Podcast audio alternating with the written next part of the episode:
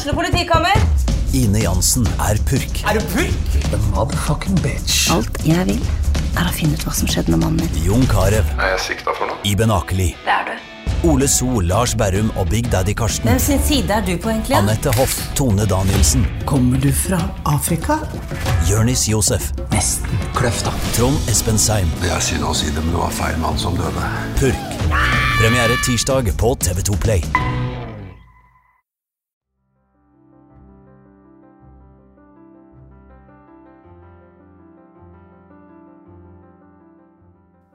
Når Alexander Skadberg var 22 måneder gammel, ble han adoptert fra Colombia til Bodø. Før dette hadde han for det meste ligget alene i ei seng uten noe særlig menneskelig kontakt.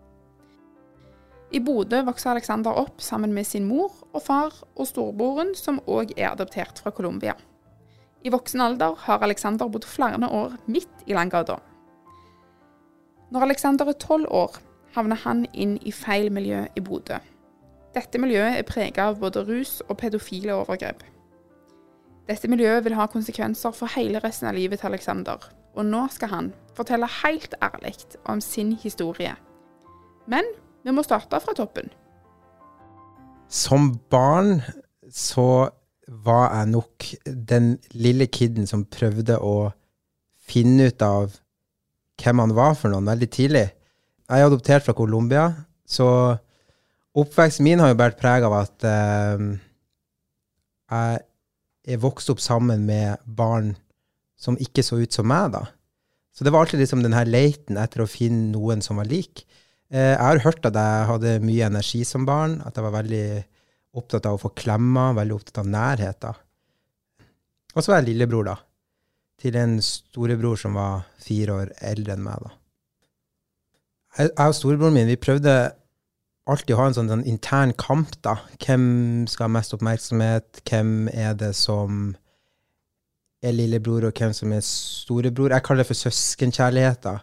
Eh, han plaga meg, jeg plaga han, og som regel så hadde han eldre venner enn meg eh, på sin egen alder og sånn, men jeg ville jo henge med de.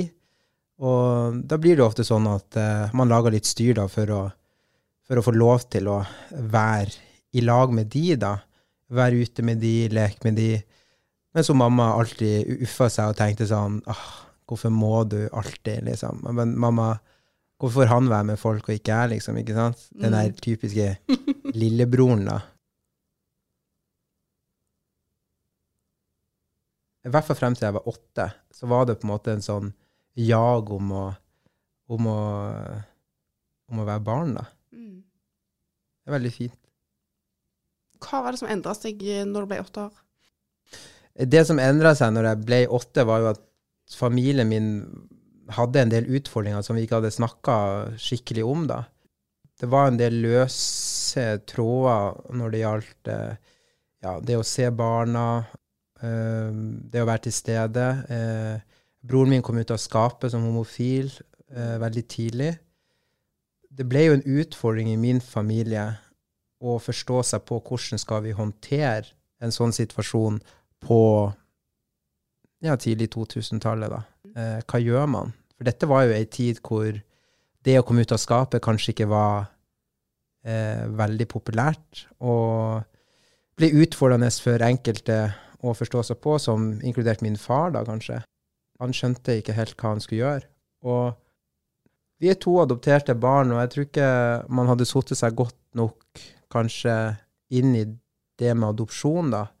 Det at du adopterer barna, ja, men du adopterer jo også fortida, ikke sant?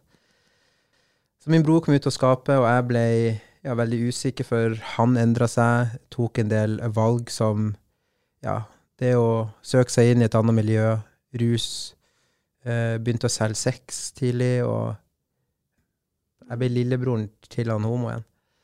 Og jeg husker jo at det er ikke kult som barn å forsvare alt storebroren din gjør.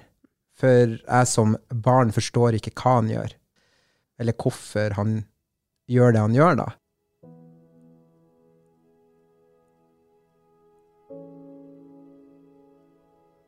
Min storebror har alltid vært den storebroren jeg ville ha eh, uansett om han var homo, eller hva han var for noe, så så ikke jeg forskjellen på det. Vi hadde fortsatt bilturene til Egersund hvert år. Han plaga meg hvert eneste år. Jeg plaga han. Eh, vi skulle vise hverandre hvem som var sjef. Altså, om han var homo eller ikke, det spilte jo ingen rolle overhodet. For jeg skjønte jo ikke liksom, hva det vil si. Som åtteåring så skjønner du ikke hva det vil si, med mindre du har mennesker rundt deg som forteller deg hva det vil si hele tida. Og det er jeg glad for at jeg hadde en mor og en far som ikke fortalte meg at han er homo, og det, det, det er feil. Det sa de aldri. De var også veldig opptatt av at barn er ikke like. Og det har også resultert i at jeg har samme oppfatninga da. Jeg, jeg skulle kanskje hatt mer oppmerksomhet fra mamma og fra pappa. og Handlinga min storebror eh, gjorde, gjør jo at det kreves eh, mer oppmerksomhet på han, mer energi på han. Eh, det å kjøre ut på kveldene og hente han, på natta hente han. Jeg var med i bilen til min mor og lette etter han klokka 10-11 på kvelden. Vi skulle på skolen dagen etterpå. Eh, husk at jeg var liksom åtte-ni-ti år da på den tida her. Så det er jo sånne situasjoner som ikke skal skje, da. Når dere var ute og lette etter han på kvelden, forsto du hva som skjedde? Nei, jeg tror mye av, mye av følelsene som jeg hadde, som jeg husker tilbake til, var nok det der eh, OK, hvor skal vi nå? Og så sitter du der i baksetet og lurer på litt den der Når skal vi hjem? Eh, tenkte ikke så mye på at jeg skulle sove, men altså I dag så tenker jeg jo på det at hallo, eh, du skal på skolen klokka halv ni, starter skolen. At du er ute nå når, når andre barn og kompisene dine er lagt seg. De står sikkert og fikser seg til å gå og legge seg, og hvor mor og far kommer inn og tar over dyna og sier god natt og sov godt, så sitter du i en bil på leiting etter storebroren din som har havna i feil rusmiljø, da. Um, det er ikke en barndom uh, jeg tenker at barn i Norge skal ha, da. Så jeg tenkte nok uh, fort på at jeg var annerledes. Altså, hudfargen var ikke lik, håret var ikke likt, leppene var ikke lik. Eh, men oppveksten min var heller ikke lik. Så alt bare Ja, alt ble liksom litt annerledes enn enn alle andre, da. Følte du deg utenfor? Ja, på veldig mange punkter.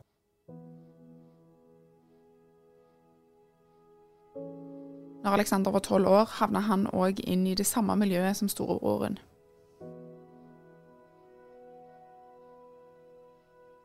det å havne i feil miljø for min del starta jo med at storebroren min havna i feil miljø. Altså, han fikk eh, kompiser, venninner som var mye eldre enn seg. Um, de var liksom de kule, og de oppførte seg. Altså, de var veldig hyggelige og sånn. Det var veldig innbydende for meg å være med han. Forskjellen nå var at jeg fra unge som ville henge med han, og han ikke ville henge med meg, var jo at nå vil jeg henge med han, og eh, da måtte jeg liksom også gjøre det han gjorde, på en måte. Han sa aldri at jeg måtte det, men det var liksom en sånn Det lå i lufta at det kom til å skje. Um, så første gang jeg røyka hasj, var i lag med min storebror og kompisene hans. Og jeg husker den opplevelsen som Han var veldig opptatt av hvordan jeg hadde det. Hvordan føler du deg nå? Eh, hvordan føler du deg nå? Eh, hvis du vil hjem, så kan vi få til det. Altså, han var veldig opptatt av at jeg skulle ha det bra under den rusen, da. Og at jeg skulle ha en positiv opplevelse av det. Det er veldig surrealistisk å si, egentlig, men samtidig så, så vil jeg si at jeg er veldig glad for at jeg fikk den opplevelsen av det, enn at jeg gjorde det helt alene og ikke visste hva jeg holdt på med. Men eh, det jeg kanskje er mindre glad for, er jo at det var så akseptert. Eh, og da var jeg rundt 13 år gammel. Så da satt vi i Solparken hjemme i Bodø utafor posthuset eh, rundt i 2000 og 2006. Og da hadde det sklidd ut for eh, begge ungene. Vi eh, ble kjent med et miljø som eh, vi tenkte ville oss godt. De så oss, de forsto oss, de forsto problemene. Men eh, å bli involvert i et miljø som har med rus og prostitusjon å gjøre, og pedofile eldre menn som ønsker å utnytte deg, det er ikke der barn skal være overhodet. Og i dette miljøet så hadde min storebror en venn som var mye eldre enn han. Min bror var jo homofil. Og han var også homofil. Og han tilbydde tjenester til han og tjenester til meg, og kjørte oss rundt omkring, og, og så skjedde det som skjedde, da. Um, og det Det å være i dette miljøet her og plutselig skjønne at du kanskje har eller har blitt utsatt for overgrep, da, det er ikke noe du går og snakker om til mange. Og problemet er at når du får samtidig en form for omsorg her, og en følelse av å bli sett, så tar du alt du kan få. Og i dette miljøet her så ble vi sett. Men når jeg ser på den saken i dag, og de sakene, for det var jo flere hendelser av flere personer, så, så skjønner jeg jo at eh, oppveksten min og livet mitt har jo vært basert på to forskjellige livsstiler, da.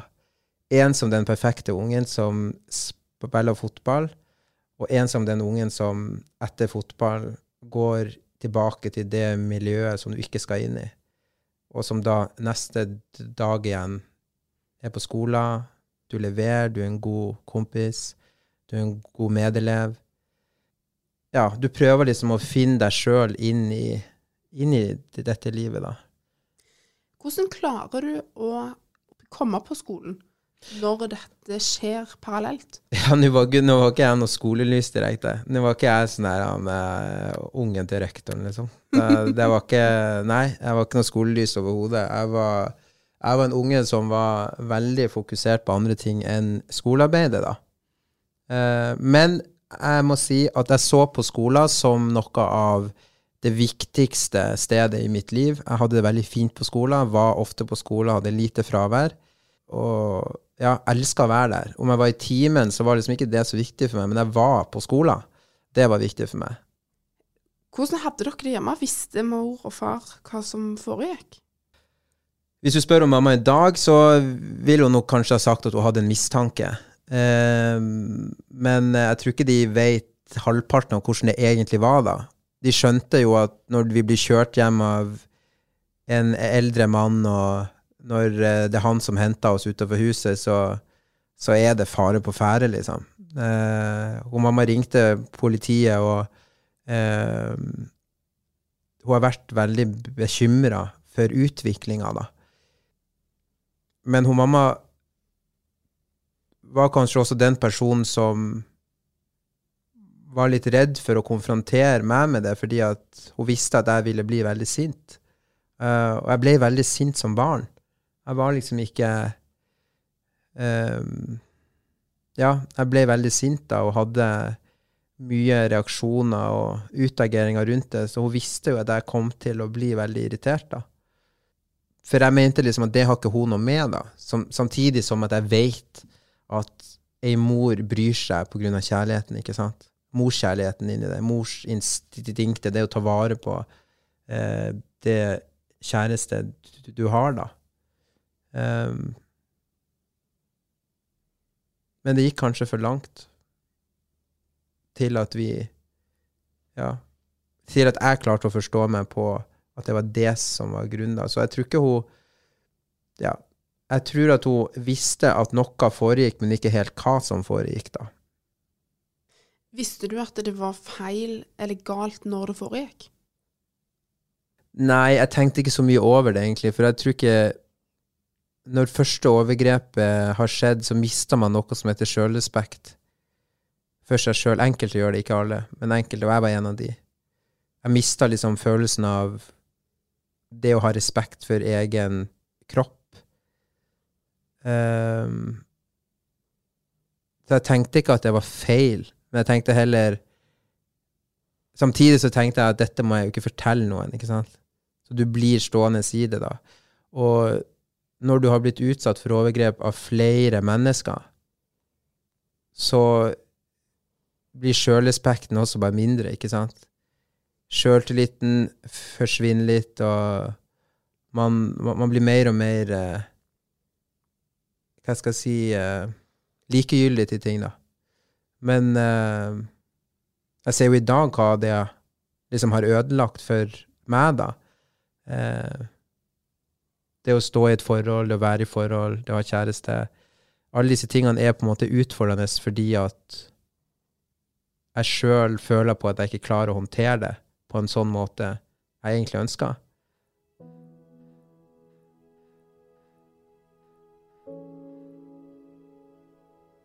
Var det en trygg voksen som du kunne si hva som foregikk til?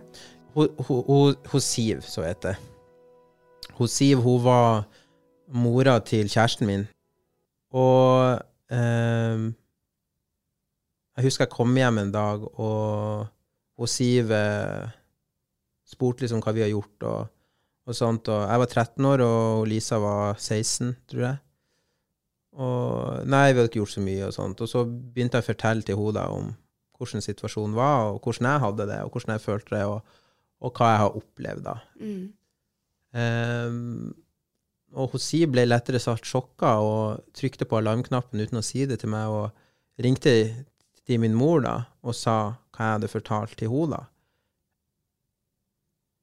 Og da var vi i gang. Dessverre så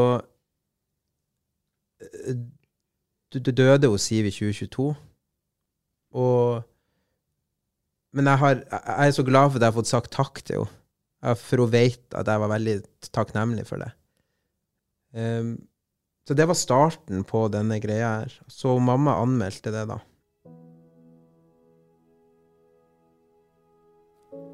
Overgrepene som mora til Alexander anmeldte, skulle ta flere år å etterforske. Saken til Alexander var del av en større overgrepssak i Bodø som fikk navnet Geysir-saken. I Alexanders tilfelle var det snakk om spesielt tre overgripere. To av de ble dømt til fengselsstraff. Den siste ble ikke dømt på bakgrunn av alder og utvikling.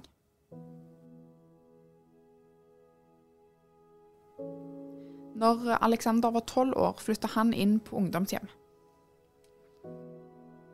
Eh, de første dagene så var jo han der unge kiden på 14 år som eh, røyka rød tre og var liksom sånn blod Altså ikke harry, men uh, sånn uh, Hørte på Eminem og gikk med capsen att frem og sånn, ikke sant? Med bandana og shit. Jeg var jo helt krise. Du var kul. Jeg var kjempekul. Altså, ja, men jeg var det. Jeg var dritkul, men også livredd. Og det er viktig å si. Jeg var dritkul, men livredd. Uh, jeg husker jeg sappa ned i senga på Ytrebekken første dagen og pusta litt ut og kjente på at uh, nå er du her. Uh, det du tulla om for et halvt år siden uh, mens du var ute på byen og hang med liksom, kompisene dine, det er faktisk blitt realitet, da. Du er, du er blitt et barn av barnevernet, og nå er du på ungdomsinstitusjon. Hva gjør du nå? Sant? Jeg husker overgangen fra det å være en litt sånn lovløs, kul ungdom til å havne på Ytrebekken ungdomshjem, det var ganske stort. Altså, um, jeg har jo ettersøkt forventninger, regler, strukturer. uh, i, i uh, mitt eget liv. Og på Ytrebekken så, så fikk jeg mennesker rundt meg som hadde trua, og som hadde forventninger, og som la en tydelig plan for hvordan vi skal ha det her, da, og hva du skal oppnå i løpet av et halvt år. Og de, de, de spurte meg ofte, ofte om, om hva planen min var da, videre. Så jeg var på Ytrebekken eh, og opplevde en progresjon og en mestring i ja, både på skoler og ikke minst karaktermessig, og eh, ja jeg, jeg, ble nok en bedre versjon av meg sjøl. Jeg sier til meg sjøl at jeg kaller det for min førstegangstjeneste. Det var strengt, det var tydelig, det var konkret, og det var satte forventninger til hvordan jeg er, og hvordan jeg skal behandle andre mennesker. Jeg tror mye av den oppdragelsen jeg fikk på Ytrebekken, den har jeg med meg videre i dag. Etter omtrent tre og et halvt år på ungdomshjem flytta Alexander videre og bodde i både Mosjøen, Bergen og nå i Sandnes. Men det var jo ikke bare Alexander som hadde slitt med rus og overgrep i barndommen. Og jeg lurer litt på hva som skjedde med storebroren hans når Alexander flytta inn på ungdomshjem. Nei, jeg og han skilte jo lag, da når jeg flytta på ungdomshjem. Så han flytta videre til Oslo for å ruse seg og selge sex. Det er han jo helt ærlig på. At det var hovedgrunnen for at han flytta til Oslo. Fordi at markedet er mye større. Det som er hjerteskjærende, og som gir meg frysninger, er jo at han sier i dag, i en alder av 34, at det, mye, det var mye enklere å selge sex når han var tolv. For det var da de helst eh, ville ha han. Jeg har akseptert at livet mitt har blitt sånn som det har blitt, fordi at jeg kan ikke gjøre noe med det. Det å bruke energi på ting du ikke får gjort noe med, det er ikke noe vits. Men det har brukt meg lang tid å forstå. Mange år å forstå. Jeg har forstått det at hver jul så er ikke min familie sånn som alle andre. Folk legger ut på Facebook, på Instagram, TikTok hvor fint juletre de har, hvor fin familie de har, eh, hvor fin hund de har, og katt de har, og alt det greiene der. Det syns jeg er kjempefint, og det mener jeg virkelig. Det er ikke sarkastisk ment, sarkastisk ment, men det jeg tenker på, er at min familie, den er ikke sånn. Eh, vi feira jul i år. Jeg hadde arrangert jula i år, og fløy, min mor eh, fløy ned fra Bodø til Oslo. Hun er ikke så god i helsa, men hun ville få dette til, så hun fikk det til. Fikk låne leiligheter til god venninne av meg, og eh, inviterte min storebror til å komme og feire jul liksom sammen med oss i Oslo, da. Og julefeiringa mi, som aldri ble lagt ut noe sted, den ble feira i Oslo hvor jeg har ei mor som sitter på andre sida av bordet. Jeg sitter midt, liksom, i midten, og hvor min storebror sitter på andre sida. Han sminker seg og gjør seg klar for et eller annet. Jeg vet ikke hva han skal, om han skal på jobb. Hans versjon av jobb er jo å ruse seg og selge sex. Og mamma spør han om ting, og han forklarer litt om sånne enkle ting som ikke har noe med jul å gjøre. Vi avtalte å møtes klokka tre. Han kommer klokka seks. Og jeg kjenner jeg blir frustrert fordi at Nå begynner jeg å se den virkningen av det livet han lever, av tid. Det er liksom ikke det samme for han som meg, ikke sant? Avtaler vi tre, så kommer du tre, ikke sant? Så uh, han kommer da klokka seks og går kvart over sju. Og det var den juleferia vi hadde. Um, uten noe staffasje eller uten noe pynting. Jeg lagde pasta carbonara, og jeg vet at han liker det. Mamma liker det. Og snakka med mamma etterpå, og jeg husker jeg bare så på henne at selv om at man har lyst til å si at 'dette var drit', så klarer hun mamma, den kuleste personen i hele verden, å si at 'ja, men dette betydde nok også mer for han enn det vi egentlig tror. Og så spør jeg men betydde dette noe for deg, da? Ja, dette var hyggelig, sier mamma. Og hun, hun har ikke sett ham på tre og et halvt år, ikke sant? Um, men det jeg ble fascinert av, var at det var ingen som stilte meg spørsmålet hva betydde det for deg å arrangere alt det her. Og jeg kom frem til at det må jeg stille meg sjøl, egentlig. Hva betydde det for meg? Så sier jeg til meg sjøl at for meg så betydde det at jeg fikk til å samle hun mamma. Jeg fikk til å samle storebroren min til kanskje et av de viktigste møtene som de har hatt i sitt liv. Eh, for jeg sa til min bror, og jeg sa også det samme til min mor, at vi vet ikke hvor lenge vi har verken han eller deg. Så jeg tror vi burde gjøre det. Bare for å se om det går an, om vi får det til. For det er ikke sikkert han kommer. Det er ikke sikkert vi får til å få det der til Oslo. Men så fikk vi det til, da, og det endte med en konklusjon på at dette ble nok fint for alle parter. Den en, ene timen og et kvarter vi fikk sammen. Fordi at verdien ligger i å være til stede i øyeblikket og oppleve det vi opplevde, vil jeg si kanskje var det fineste for oss som familie. For vi er jo en rar familie, da. Men samtidig så er vi kanskje den fineste familien jeg kunne ha fått, da.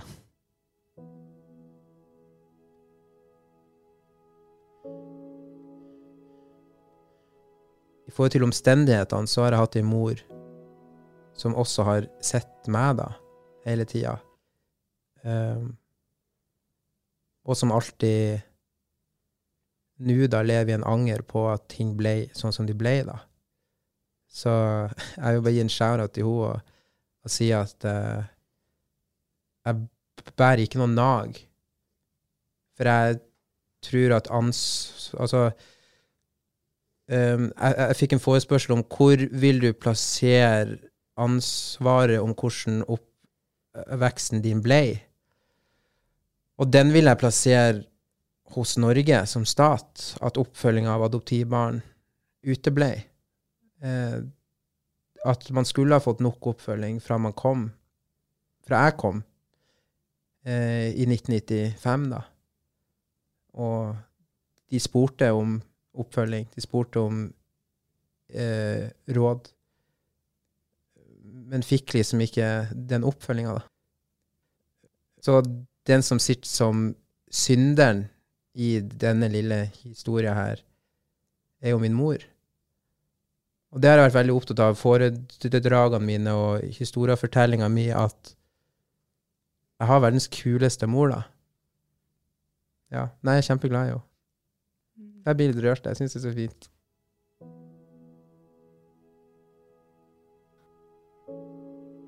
I dag jobber Alexander bl.a. som foredragsholder og forteller åpent om sin historie.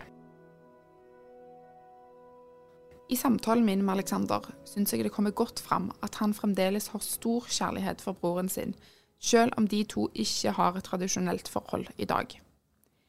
Og i løpet av innspillingen måtte jeg springe ned i Langgata for å dobbeltsjekke at Alexander ikke hadde fått parkeringsbot.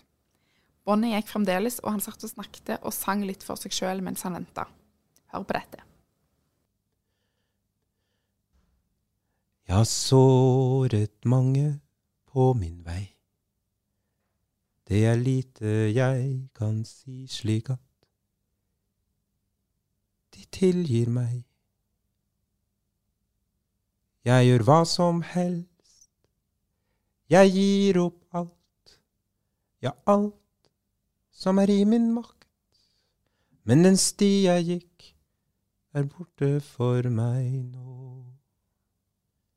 Kjære bror, jeg sviktet deg.